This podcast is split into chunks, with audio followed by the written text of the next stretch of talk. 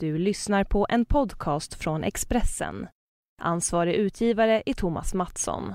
Fler poddar hittar du på expressen.se podcast och på iTunes. Då hälsar jag dig varmt välkommen till veckans avsnitt av Livshjulet med mig Anna Hegerstrand. Vi har kommit fram till avsnitt 162 och veckans gäst det är programledaren Malin Olsson som ju blir högaktuell på måndag när alla barnen har sin första lediga dag på sommarlovet. Och många sitter ju bänkade framför just Sommarlov i Barnkanalen. Efter förra årets uppehåll är Malin tillbaka som en i programledartrion och alldeles strax så ska du få höra hur balanserat hennes livshjul snurrar just nu. Innan dess vill jag presentera min nya sponsor Viking Line som kommer att hänga med hela sommaren. Nu kan du som lyssnar på livshjulet få chansen att uppleva en fantastisk kryssning med Viking Line. Du kan välja mellan en familjekryssning till Helsingfors eller en nöjeskryssning till Åland för dig och en vän. Familjen kryssar lyxigt med nyligen uppgraderade Helsingforsfartyget Gabriella som går varannan kväll från Stockholm.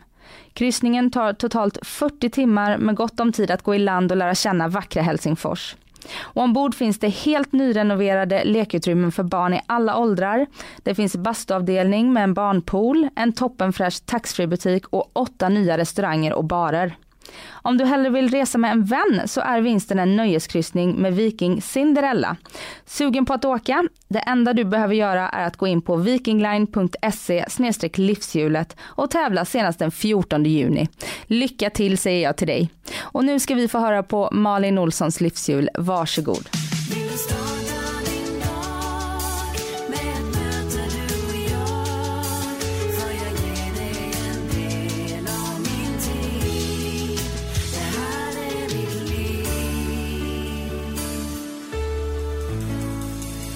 Kör då. Vi kör. Och eh, välkommen till livshjulet. Tusen tack. Första podden ever. Ja, det känns lite konstigt. Ja. Det känns ju så här eh, lite poddvänlig. Ja, lite så. Nej, men jag har faktiskt inte varit med i någon podd tidigare så det här är ju lite, det är lite nytt här nu va? Mm, är du nervös? Nej, verkligen inte. Det ska bli jättekul. Gillar du såna här si- situationer, intervjusituationer? Eh, jag tror att jag har blivit mer och mer bekväm med det. För att jag menar som programledare så är man ju så van att ge någonting själv och ställa frågorna själv.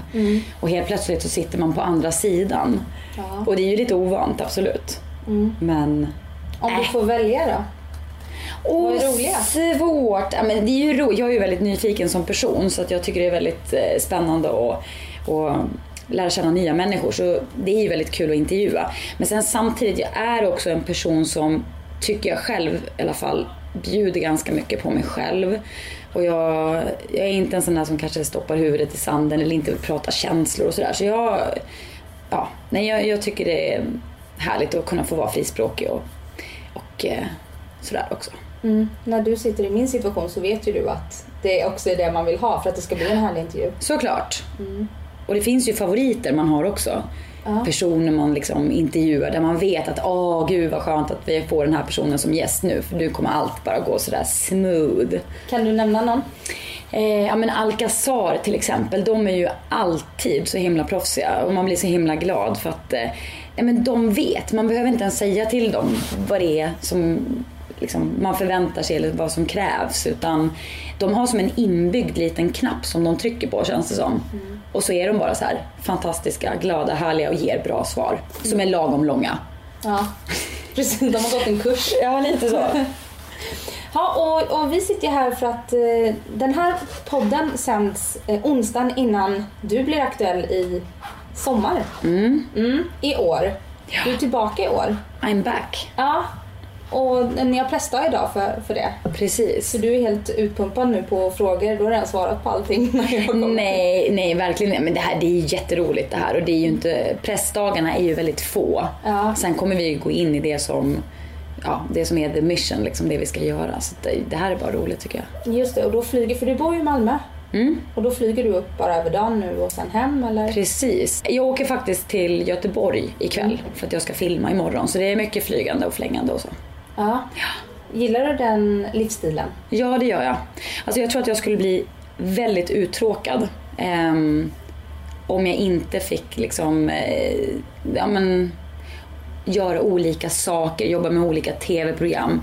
Eh, om jag bara var på ett ställe hela tiden. Jag har ju ett väldigt rörligt yrke och ett eh, yrke som lite kräver att jag ska kunna vara väldigt mobil. Liksom. Mm. Och ett yrke som kräver att man ständigt är på topp. Framför kameran i alla fall. Absolut, det är ju inte alltid det enklaste. Um, jag, tycker, jag är ju en ganska så, tycker jag, positivt lagd människa så att jag tycker att det mesta jag gör är väldigt roligt och det brukar sällan vara sådär jobbigt. Men det är klart, ibland när du ska jobba med ett nytt program um, då gäller det liksom att man har satt sig in i vad det är man gör så att man känner att man äger programmet på något sätt. Och det kan ju vara liksom, då blir det ju tufft liksom mycket adrenalin och eh, eh, man får boosta sig själv. Men sen kan det ju hända jobbiga saker i ens liv också.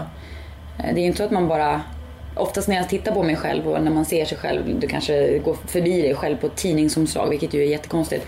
Eller man, det svischar förbi någonting i TV-rutan, så är man ju en sån där person som det ser ut som att man alltid är glad och liksom skrattar och ler. Och, och det är ju en av dem som alltid är glad. Ja, och någonstans så är jag det. Men jag, jag har ju faktiskt eh, jobbiga stunder också. Som i eh, höstas när min farmor gick bort eh, som har varit en av mina största förebilder i mitt liv och nästan som en extra mamma på något sätt. Nu var hon väldigt gammal och man visste att det skulle hända, men sen händer det. Och då känns det också sådär, men vad är det man håller på med? Och jobba med TV och lägga ut en massa bilder på Instagram. Och vad spelar det för någon jäkla roll? Vad, är man, vad, vad spelar de grejerna för roll? Mm. När det kommer till att någon i familjen kanske blir sjuk eller någon går bort. Eller, Eh, så det var faktiskt en ganska tuff period och så hade man inspelning liksom bara några dagar efter man hade fått ett dödsbesked. Ehm, och då ska man ju stå där och leverera ändå. Mm. Gör du det eller vågar du säga nej och säga att jag klarar inte henne? Eh, nej, jag går in i min yrkesroll då och eh, så gjorde jag det. Men visst, man får ju känna av också. Hade det känts helt liksom, om man inte hade orkat det för att det var för tungt så är det klart att folk i min omgivning skulle förstå det också, även på jobbet. Liksom. Ja, det är så i tv-branschen alltså? Jo, men det är klart. Men det, man får ju, man, så är det inte i min bransch. Är det inte så? Nej, men jag tycker ändå att vi blir ganska bra, väl omhändertagna så länge man flaggar för att så här, nu känner jag att jag har jobbat lite för mycket, mm. eh, nu börjar jag bli lite trött, nu skulle jag behöva vila lite grann. Um, så tycker jag i alla fall på SVT och nere i Malmö att man tar hand om om oss. Eh, men det gäller ju också att man flaggar själv. För att folk runt omkring en är ju inga tankeläsare. Liksom. Och det har jag blivit lite bättre på tycker jag med åren. Att eh, ju äldre man blir desto större krav kan man ju ställa och också säga vad man känner och tycker eh, utan att vara rädd. Mm. Och du är ju, vi är lika gamla du och jag. Är du det? Du är faktiskt ett halvår äldre än mig. Men ah! 82 år båda två. Ja. Mm. Gillar du din ålder? Um, gud vad roligt, jag satt och pratade om ålder idag faktiskt. Mm. Uh, jag gillar min ålder, men jag tycker också att det är lite orättvist. Um, till exempelvis det här med att vara kvinna och i den här åldern och att inte ha skaffat familj till exempel. För jag... De tjatade på mig innan min mage började växa. Jag kan tänka mig det. Mm. För att någonstans också som kvinna så är det också tänkt att ja, men någon gång mellan 30 och 40 i alla fall så borde du väl fundera på att skaffa barn om man nu vill det. Mm. Eh, jag vill ju ha familj och sådär. Och då kan man glömma bort sig lite i tiden ibland. Att så här, eh, för att jag känner mig väldigt ung på något sätt. Och det kanske också har att göra med att jag får göra väldigt mycket roliga saker hela tiden. Jobbar en del med barn och ungdomsprogram. Så man är ständigt närvarande i den här, det här lekfulla och så. Um, men sen så när man tittar på pappret eller fyller år och inser att just det, men jag är ju 34 nu här alltså. Mm. Uh, och också då som kvinna att uh, man måste ta vissa beslut för att tidsaxeln liksom börjar mm. liksom närma sig sitt slut. När det gäller i alla fall att skaffa familj till exempel. Känner du dig stressad? Uh, nej, det gör jag inte. Men jag börjar tänka mer och mer på det nu. Mm. För samtidigt så är det ju så att vi blir ju allt äldre och mm. kvinnor skaffar ju barn allt senare. Särskilt, nu bor ju du i Malmö visserligen, men i Stockholm i alla fall så höjs ju medelåldern för förstföderskor och sådär. Mm. Så att det kroppen och det biologiska kan man inte göra något åt. Precis. Men tankesättet kring att så här, man borde mm. är ganska omodernt. Ja. ja. Nej men och det är väl det, jag menar, karriären har ju varit väldigt viktig för mig att få göra det jag tycker är kul och eh, jag trivs med det jag gör. Jag har ett väldigt bra liv och eh, eh, allting är egentligen eh, bara fantastiskt och jättebra. Och egentligen skulle jag kunna vänta lite till, kanske några år till innan jag, innan jag bestämmer mig för att bli mamma. Men, men visst, det är klart att det finns närvarande där att mm, man får inte glömma bort tiden. Nej. Är det någonting som du pratar med din sambo om? Som är ändå ganska mycket yngre. Ja, ja absolut. Det snacket hade vi ganska tidigt faktiskt. Ja.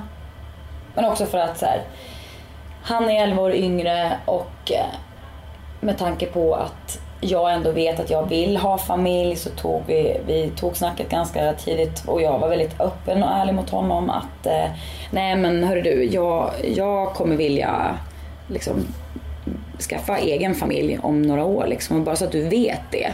Så att han har med sig det. Så att han också kan låta det sjunka in och känna efter liksom, ja men vad vill han då? Eller vad, ja, så. Mm och det var ganska bra att ta det snacket faktiskt. Han känns ganska mogen då. Jag tänker när man själv var i den åldern och Mm. dejtade jämnåriga.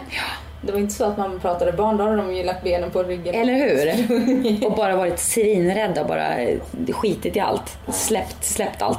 Eh, nej men Simon han är fantastisk och det är också så fint för att han, eh, han vet att han vill vara med mig. Ja men men Malin det är ju dig jag vill vara med. Det är inget konstigt liksom. Och då blir det så himla mycket enklare också på något sätt. Och då får man ju en trygghet i det också. Jag menar nu har vi ändå varit tillsammans i eh, nästan två år. Så att, eh, Är ni förlovade? nej det är För inte. du har ring på förlovnings... Ja men jag vet, men får man inte Men ha den, det den, eller? Inte, den är ju inte förlovningsaktig. Nej, det är en pärla på den. Ja. Jag har faktiskt fått den av Simon, men det är inte en förlovningsring. Nej. Det är bara för att de fingrarna sitter ringarna lite bättre på tycker jag. Så det är en kärleksring med då. Ja, det är en kärleksring. Vill du förlova dig och gifta dig sådär? Om du får välja. oh, jag tycker att det där är läskigt alltså. Ehm, faktiskt. För att, jag vet inte, jag är väldigt mån om den här friheten man har på något sätt. Och jag menar inte att det skulle vara mindre frihet egentligen att vara gift. Eh, men det är väl bara en, jag tror att det handlar om en känsla och också en rädsla kanske att inte lyckas. Med sitt äktenskap. Ja. För att om man tittar runt omkring sig hur det ser ut liksom och eh, hur det går för väldigt många som gifter sig så, så ja. Nej men bara det här med att står man där och lovar, för mig betyder det någonting. Står man där och lovar någonting, ja men då, då vill jag stå för det också. Mm. Är du uppvuxen med båda dina föräldrar eller är de... Mm, de är separerade fast eh, jag växte upp med dem tills jag var 17. Ja. Så att jag var ändå ganska, jag var i tonåren liksom när de skilde sig. Så det är ingenting som kommer hemifrån, något traumatiskt från barndomen? Nej, det är väl bara viktigt för mig liksom att, eh, att den familjen jag har är sammansvetsade och att man kämpar ihop. Liksom. Visst, det är klart att det säkert finns, finns fragment från att vara skilsmässobarn själv. Att det kan göra en rädd inför sitt egna liksom, eventuella äktenskap i framtiden. Ja. Det kan jag tänka. Min pappa gick bort väldigt tidigt. Mm. Eller jag var 19 och min syster var 13. Det kan jag tänka på nu. Så här, mm, komma på mig själv sitta och tänka så här, men shit, tänk om Sebastian skulle dö Ja. nu, vad gör jag då? Och det är så här, det är in- inte alla som tänker så. Nej. Det är ju någonting man har med sig liksom. Ja, för att man har varit med om det Ja. själv på något sätt. Ja, det är ju en hemsk tanke. Men att Ehm, man börjar så praktiskt planera för så här, hur skulle mitt liv se ut då och vad kan jag göra då? Ja. Men är det inte häftigt, men är det inte skönt också då med oss människor oftast att vi är också ganska så här, vi slänger oss ut liksom och vi testar och sen gick det åt skogen men då fick det väl vara så. Alltså det är ju skönt ändå också att ibland ska man inte tänka så jäkla mycket. Ibland kanske man överanalyserar saker också. Mm. Är du en sån som gör det? Eh, svår fråga faktiskt. Nej, jag tror nog att jag är ganska spontan av mig faktiskt. Men just när det kommer till de här viktiga livsbesluten, där tycker jag att det blir, kan bli liksom, åh det är så stora saker liksom. Det här med att skaffa barn till exempel, eller gifta sig. Och, det är stora beslut. Mm. Och hur kommer det sig att du hamnade i Malmö? För du är uppvuxen i... Skattungbyn Ja, precis. i Dalarna. liten håla. In, inte så långt ifrån där Kalle Moraeus kommer. Exakt. Orsa. Orsa. Orsa. Nej, det är ingen håla. Förlåt. Usch, gud vad, vad hemskt Det är ett väldigt sagt. vackert namn. Ja, Skattungbyn. Ja, det är väldigt fint. Ja. Eh, men det är ju en pytteliten by liksom. Eh, där allting känns tryggt. Du behöver inte låsa cykeln. Det finns inga hot från omvärlden egentligen. Och sen så flyttade jag faktiskt till Stockholm när jag var 19. Och bodde i Stockholm i några år. När du vann Fröken Sverige. Precis. Så mitt första stopp var liksom Stockholm. Då var jag här i några år. Eh, De där första åren när man ska flytta hemifrån och allting är lite jobbigt och man ringer hem och man gråter och eh, ja men det här eh, att kläcka sig ur sitt eget skal och bli vuxen på något sätt det gör ju lite ont alltså. Och så är det sjukt häftigt samtidigt. Men efter sju år i Stockholm så fick jag jobberbjudande från SVT. Um, ehm, och då var det nere i Malmö som allting filmades och sändes. Så att då var jag tvungen att börja pendla ner till Malmö. Så gjorde jag det. Men sen så tog det slut med eh, min sambo som jag hade haft en ganska lång relation med. Och eh, då kände jag lite grann att nej, men varför ska jag hålla på och åka här fram och tillbaka två gånger i veckan? Var skittrött, eh, tycker att livet är ganska surt för det var en ganska jobbigt uppbrott. Vi hade varit tillsammans i fem år. Då var det ganska lätt att bara fly. Och jag är nog ganska bra på det, att bara dra när det blir lite jobbigt. Och då passade det ganska bra med det nya jobbet i Malmö. Så det är inte jättemånga år du har bott där nere då? Jo, fast det är nog ganska många år. Eh, åtta år. Jaha. Tror jag. Och eh, har Simon sin, uh, sin bas där nere också? Eller sina rötter, kommer han därifrån? Eh, Simon är uppväxt i Göteborg och i Höganäs i Skåne Jaha okej, så han har som tonåring. Så han har koppling. till Skåne, absolut. Men jag ser honom inte som skåning, alltså det är så konstigt. Ehm, Han pratar inte skånska. Han pratar inte skånska. Han är lite så här äh, rotlös på något sätt. Eller liksom, han har rötter på många olika ställen. Eh, nej, men han, vi bor ihop. Och vi flyttade ihop väldigt, ganska tidigt. Och det kommer bli Malmö du blir kvar i? För nu så spelas väl Sommarlov in i Malmö också? Ja, precis. Alltså jag, jag tycker faktiskt att det är ganska skönt att bo i Malmö. Eh, för att det är väldigt lugnt där. Eh, och man kan ha ett jobb som är ehm, väldigt offentligt. Men när jag är klar med mitt jobb så kan jag gå hem. Och då är det inte så många som bryr sig om vad jag gör. För i Malmö så är inte folk så himla imponerade liksom. Eh, Tycker du att de är det i Stockholm? Ja, mer faktiskt. Jag trodde, ju, jag trodde faktiskt att det skulle vara tvärtom. Att så här, ja, men i Stockholm så är man så van vid att se kända personer överallt. Liksom. Nej, men det är väl gammal skåpmat för dem. Men jag tycker det är oftare liksom folk kommer fram på stan och vill fota och ta alltså, autografer och sådär. Mycket oftare i Stockholm än i Malmö. Så det är lite som skönt att ha en liten oas nere i Malmö faktiskt och inte bli indragen i det här mediella för mycket. För att man är så mycket där ändå. Jag har en av mina bästa kompisar bor i Malmö och Mm. hon har också bott i Stockholm. Hon tycker att klimatet i Malmö är mycket, alltså dels vädermässigt Ja. klimatet men också du vet hur människorna är. Ja. Hon tycker att det är jättesnofsigt i Stockholm och att man är mer skön i Malmö. Ja. Du tycker det? Nej, nej men det håller jag med om absolut. Och jag menar hallå, jag kommer från landet och eh, jag tycker det är skönt när saker är ganska så, när saker inte är så märkvärdiga så. Eh, då känner jag mig trygg och men sen å andra sidan så gillar jag ju också det här, alltså den här flärden och det här liksom som kommer med det mediella som vi ju är i. Annars hade jag ju inte stått här heller.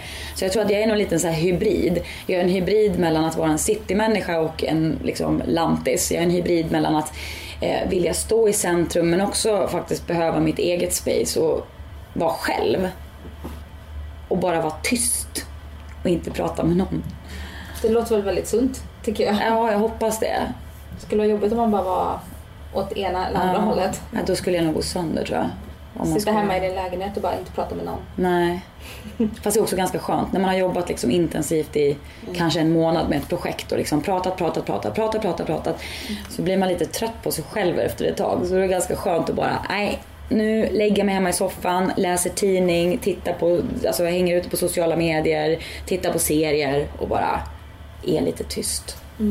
Ja, då hade jag tänkt fråga, vad är avkoppling för dig när du är ledig? Mm. Eh, jag har ju insett att jag behöver liksom få lite bättre balans i mitt liv. För att jag har liksom eh, fokuserat väldigt mycket på jobbet för att jag tycker att jobbet jag gör är så himla roligt. Du har ju synts väldigt mycket i olika program. Lite så. Eh, och jag fått testa väldigt mycket och det är ju fantastiskt kul. Men eh, förra året så blev det lite mycket för mig så jag, det var nära att jag liksom höll på att bli lite utbränd.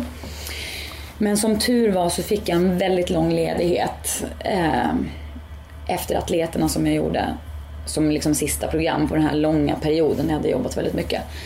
Eh, så jag var ledig i två månader och fick andas och ta det lugnt och umgås med familjen och vänner. Och då bara slog det mig hur himla viktigt det är för dels återhämtning men också att ge sina vänner och sin familj tid liksom. För att det blir ju att man glider ifrån glider ifrån alla de här viktiga människorna i ens liv när man hela tiden är någon annanstans. Och inte riktigt har tid och så. Så då kände jag lite att nej, nu får vi nog skärpa oss lite grann här och eh, vad är det som är viktigt i livet och vad, hur vill man ha det? Så jag har insett att så här, balans, balansen mellan att jobba men inte att det får bli allt. Liksom. Det får inte vara det viktigaste. Eh, men också så här, att lägga mer tid på familj och vänner och ja, men vara med på folks födelsedagar och studenter och allt vad det nu är. Att man inte alltid är borta. Eh, men också så här, att hitta ett lugn. Eh, och då har jag hittat yogan. Eh, som är så bara sjukt bra för mig. Jag har haft ganska svårt att hitta liksom, en träningsform som jag har gillat och så. Men yogan har jag liksom fastnat för. Mm. Får du, var det ett motstånd när du skulle börja yoga och gå ner i det här lugna tempot och andas och sådär? Eller tyckte du bara det var skönt? Nej, det var inget motstånd för det var någonting som jag valde själv och sökte själv och insåg att jag var tvungen att ta tag i själv. Mm. Um, för att hålla ihop liksom och orka och ha energi. Och just med yogan, det handlar ju väldigt mycket om andning och um, när man, liksom, man får ju andas på djupet. För ibland, vissa dagar när man har jobbat och är så himla uppe i stressen, liksom, det är så mycket. Så, så när man kommer hem så inser man att men gud, jag har ju inte ens andats idag. Man har haft liksom andan uppe i halsen hela dagen och inte nere i magen. Så att eh, det, det var liksom, det var nog därför jag sökte mig till yogan. För dels komma igång med andningen, men också göra en, ha en träningsform där det är lugnt. Där det inte är liksom ums, ums, ums, ums, ums, ums, någon musik som pumpar på och någon som sitter med någon spinningcykel. Och man liksom, det har jag ändå i mitt liv så jag behöver liksom det där lugn. Du behöver inte stressa, liksom att man får lugna ner sig själv. Går du på yoga på en yogastudio eller på ett gym? Eh, på en yogastudio. Ja. För det är också skillnad? Ja, det är det. Det kan jag tänka mig. Mm. Jag har inte testat yoga på något gym, men det känns som att det är lite olika saker. Jag tror att den här mentala biten kanske finns mer med i riktiga yogastudios. Mm. Har du testat yoga någon gång? Ja, jag yogar. Jag har gått både på gym och på yogastudio och nu går jag på gravidyoga. Ja. Och jag håller med, men jag är nog lite som dig att man har väldigt mycket fart och fläkt i livet hela tiden. Och även om att jag har valt yoga, yogan själv så är det ändå ett litet motstånd att det är så här, oh, ska man gå dit och så är jag ganska ovig. Mm. Jag vet, du känns... Ja, nu ja, eller? Ja, överhuvudtaget. Jag är det annars ja. också. Ja, nu mer än någonsin. Ja. Men och så blir det så här, man vill gärna vara bra på någonting också och där är inte jag speciellt bra. Men är det inte det vi ska skita i då, vi jo. tjejer? Det är så typiskt också kvinnor att så här, eller inte bara kvinnor, men man vill, alltså det här med prestation, liksom, att man ska vara så jäkla duktig hela tiden. Alltså vi får skärpa oss lite med det. Känner du att du eh, kan bortse från det? Eh, duktig flicka? Nej, det kan jag inte. Men jag skulle säga att jag är högst medveten om att jag är det. Ibland glömmer man bort det, men då får man typ försöka påminna sig själv.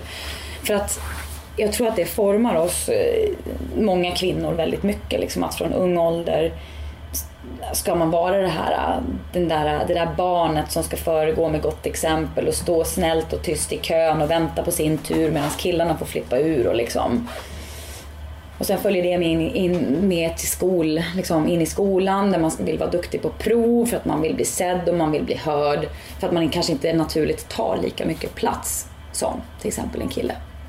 Upplever du det i, i ditt jobb? Att killar har, att tjejer måste prestera högre? Jag har inte tänkt på det så konkret tror jag, men jag tror att anledningen till varför jag själv lägger ner väldigt mycket tid när jag ska jobba med olika program och vill skriva manus själv. Eh, vill visa vad jag kan. Det kommer nog därifrån. Och kommer nog också från, från att, eh, ja, att man någonstans känner att man måste prestera. Och du har ju kommit dit du är idag på en väldigt kvinnlig väg. Och vad jag menar med det är att Ja, vad menar du med det? du vann Fröken Sverige, Ja, ja. eh, gick vidare till eh, den här gruppen, NT3. Där det Gjorde var mycket, popkarriär. så här, Mm. mycket tidigt 2000-tal, bara magar, Ja, ja, ja. hela den biten. Söta, du hade aldrig fått vara med där om inte du hade varit snygg. Nej. Och du hade aldrig vunnit Fröken Sverige om du inte hade varit snygg. Nej. Säkert hade du aldrig suttit i TV heller om du inte hade varit snygg. Nej. Hur tänker du kring det? Åh, det där är så svårt. Ehm, jag bara tänker att det där är ju olika delar av ens liv liksom. Och man utvecklas ju hela tiden som människa. När jag var 18 och var med i Fröken Sverige-tävlingen Oj, du var bara 18. jag var 18 år då. Det var ju också för att samhället liksom... Fröken Sverige var ju en stor grej då. Det var ju lika stort som typ Melodifestivalen, alltså en stor, stor årlig händelse.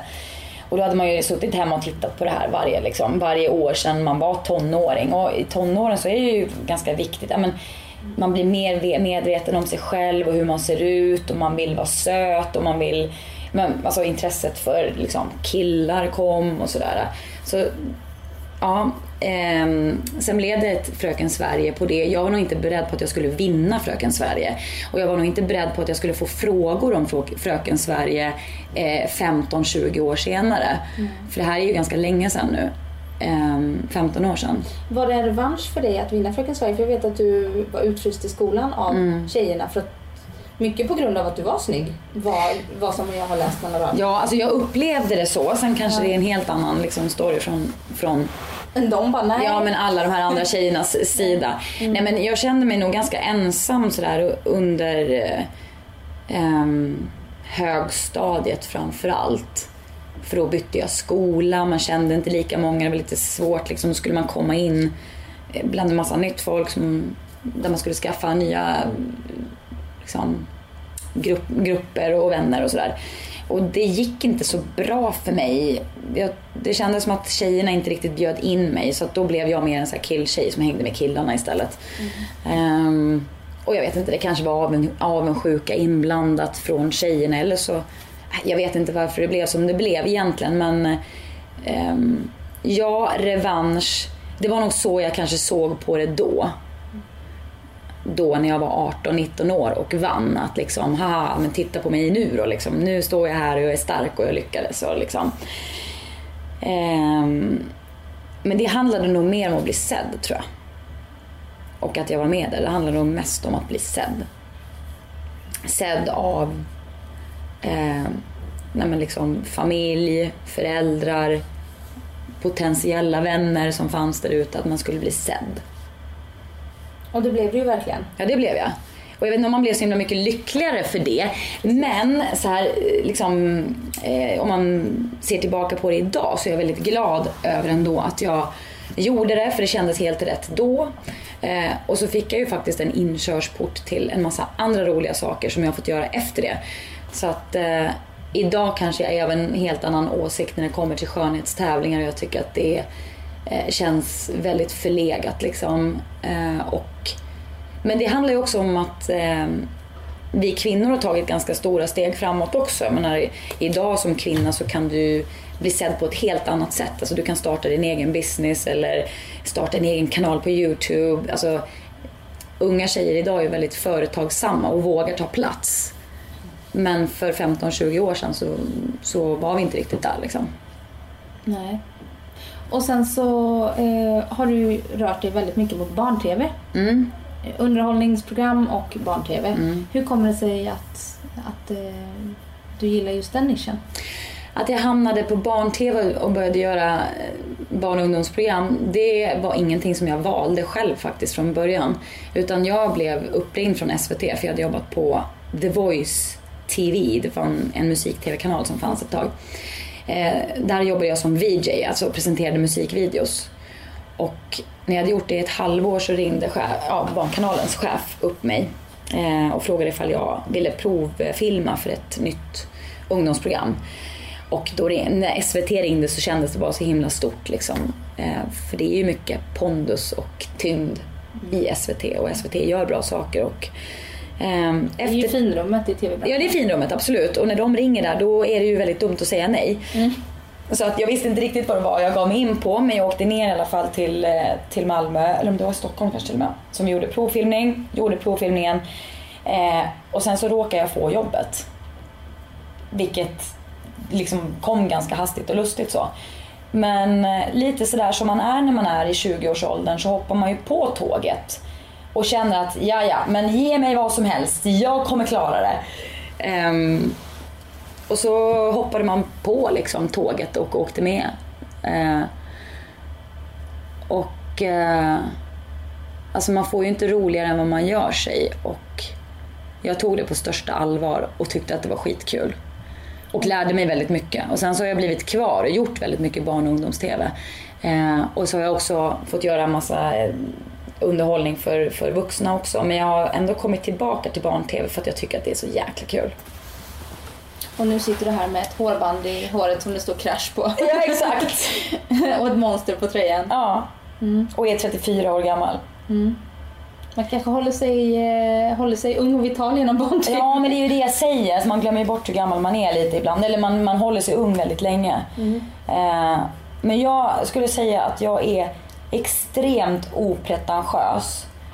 Eh, jag har ingen idé om mig själv över att jag måste vara på ett visst sätt eller nu har jag kommit, nu har jag jobbat så här länge med eh, TV. För att jag märker att det kommer utifrån en del, att folk kan ställa sig lite frågande till att man har jobbat med en del barn-TV, gjort sommarloven väldigt många gånger till exempel. Eh, sen får man göra en massa andra saker, så vux- jobba mycket med vuxen-TV men sen så kommer man ändå tillbaka.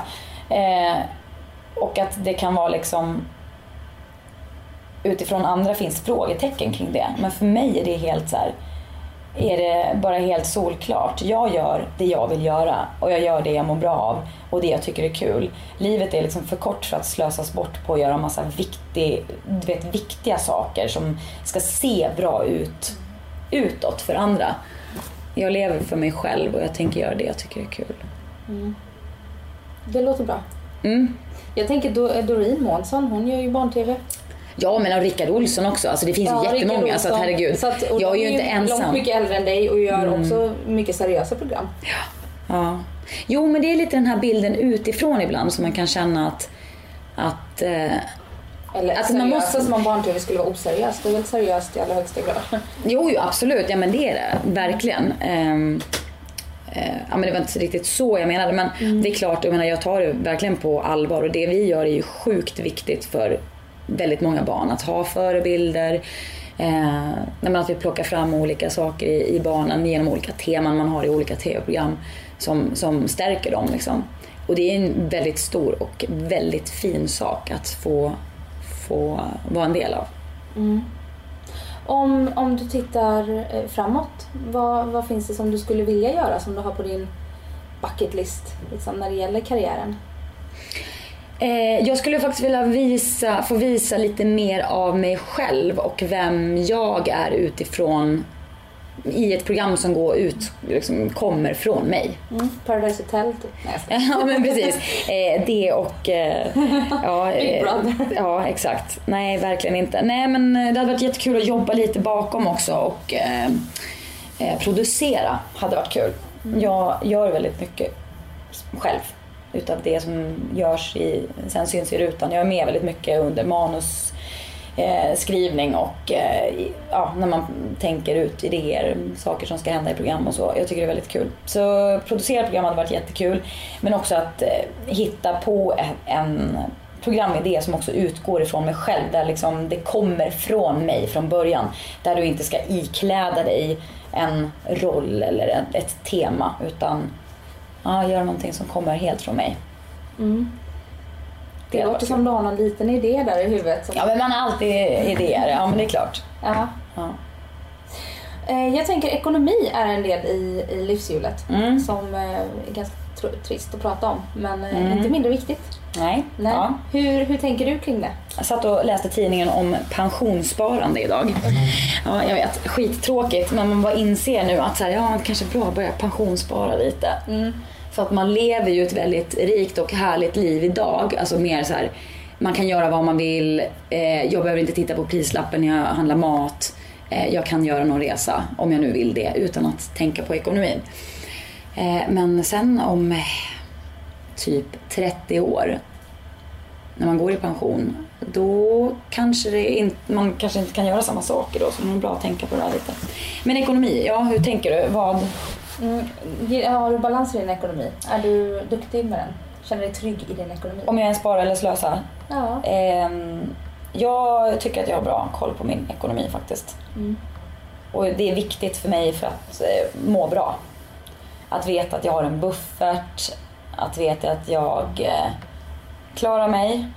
Ehm, ja, så. Är pengar en drivkraft? Nej men både och skulle jag säga, men pengar är absolut inte den främsta drivkraften. Nej. Vad är den främsta drivkraften? Eh, nej men det är att njuta av det man gör och ha roligt.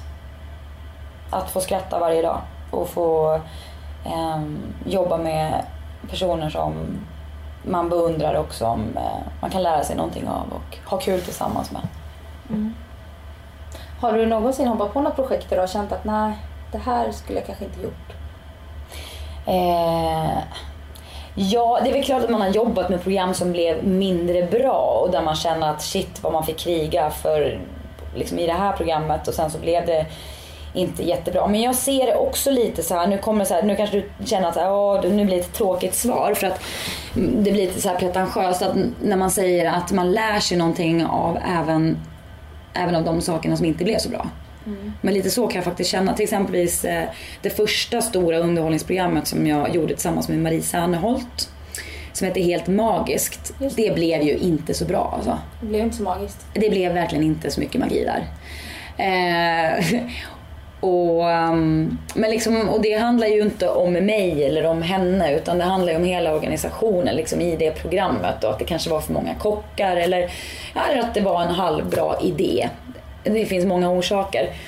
Men eh, Och det kan ju också vara att du är bra och Marie är bra, men dynamiken mellan er är inte bra. mm, Alltså när man jobbar med personer, att kastas in i ett program och ska jobba med någon helt plötsligt. ja, Det vet man ju, ja om jag jobbar med någon fotograf eller vad som helst, funkar det inte så precis. funkar det inte. Nej. Nej, nu funkar det väldigt bra tycker jag i och för sig att jobba med Marie. Jag gillar henne väldigt mycket och vi känns ganska lika på något sätt som personer. Eh, vad vi gillar och så. Eh, men det var nog mer hela konceptet och bara att det var för många kockar i den soppan helt enkelt. Och för många viljor som ville lite olika saker. Men, men det tar man ju ändå med sig idag. Men nu har man ju lagt det bakom sig. Det pallar man ju inte sitta och älta idag, liksom, att inte det blev bra. Ja, men allt man gör kan ju inte bli, kan ju inte bli bra liksom. Vad är det som gör att du tackar ja till sommarlov då, år efter år och jobbar hela somrarna? Förutom förra året, för då, då Ja, då Var du inte med? Nej, då var jag ledig. Då var det de här två månaderna som jag behövde liksom Ja, bara andas och ta det lugnt och ha en sommar för mig själv och eh, träffa min familj. Eh, nej, men Sommarlov är faktiskt ett magiskt program att få jobba med som är väldigt olikt alla andra program som jag har jobbat med. Eh, dels så är det livesänt, det är hela sommaren. Eh, och också där um, ehm, vi är utomhus. Och vad som helst kan hända liksom. Och det kan vara strålande sol men det kan också vara ösregn när du kommer till jobbet. Eh, och då måste man rodda om lite snabbt och kanske tänka om idéer eller ta in liksom regnet. Att, Jaha, okej, nu skulle vi ha ett stort glassrace här men nu ösregnar det så nu kan vi inte ha det. Alltså det är väldigt, eh, det är väldigt spännande att gå till jobbet. du kickar på att vad som helst kan hända. Lite så. Eh, Men sen också så här, att få komma till den här bussen och se 2000 barn när det är högsommar eh, sitta och vänta på oss. ehm, och liksom ha, ha ja, men mig och Alex och Ange- Angelica nu som är ny som förebilder någonstans. Alltså det är ju liksom lite larger than life på ett sätt och det är sjukt lyxigt att få vara en del av och att bli så älskad av så många människor. Ja, jag förstår. Alltså, att man måste känna sig lite som rockstjärna. För barn är ju väldigt duktiga på att visa Mm, det också. mm. De ska ju inte vara så coola som vuxna ska vara. Precis. Jag känner igen dig men jag kan inte komma på varifrån. Nej, så det är nog kanske lite det där då. Att man kanske vill vara lite rockstjärna. Men också att de barnen som kommer dit kommer ju dit för att de faktiskt vill se oss. Det är inte bara liksom, man vet att varenda unge som sitter här, de är här för att de vill det. Och det är någonting fint i det. Och då kör ni eh, varje vardag hela, hela sommaren eller är det på helger med? Eh, vi sänder sommarlov varje dag. Ja.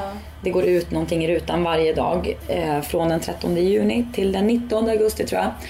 Även lördagar och söndagar. Men vi är inte på plats på lördagar och söndagar utan då har vi förinspelat. Mm. Jag tänker på den här perioden du hade förra sommaren. Att, Mm. Och den här balansen du vill hitta. Eh, Just det, nu blir det 10 veckor. Men jag har faktiskt, jag kommer få en liten paus i slutet av juli. Så kommer jag få vara borta någon vecka från sommarlov faktiskt. Mm. Så då får de andra täcka upp lite. För då ska jag åka ner till Portugal och hänga med min familj.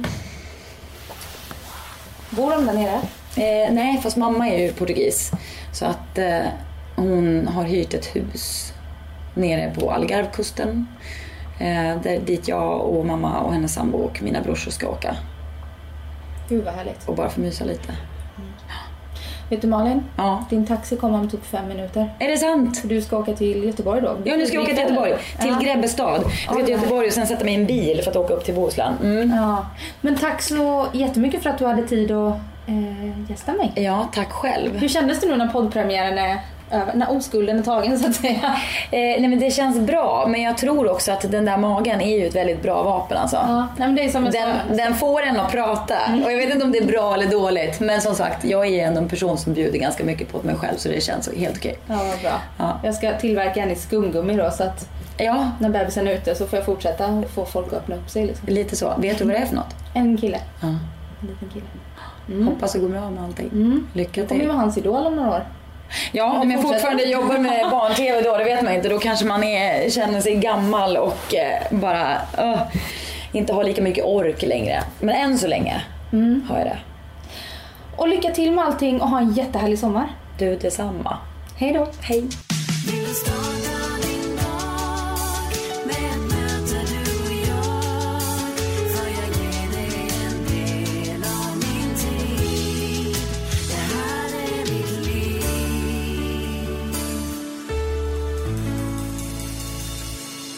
Du har lyssnat på en podcast från Expressen. Ansvarig utgivare är Thomas Mattsson. Fler poddar hittar du på expressen.se podcast och på iTunes. Med Hedvigs hemförsäkring är du skyddad från golv till tak oavsett om det gäller större skador eller mindre olyckor. Digital försäkring med personlig service, smidig hjälp och alltid utan bindningstid. Skaffa Hedvig så hjälper vi dig att säga upp din gamla försäkring.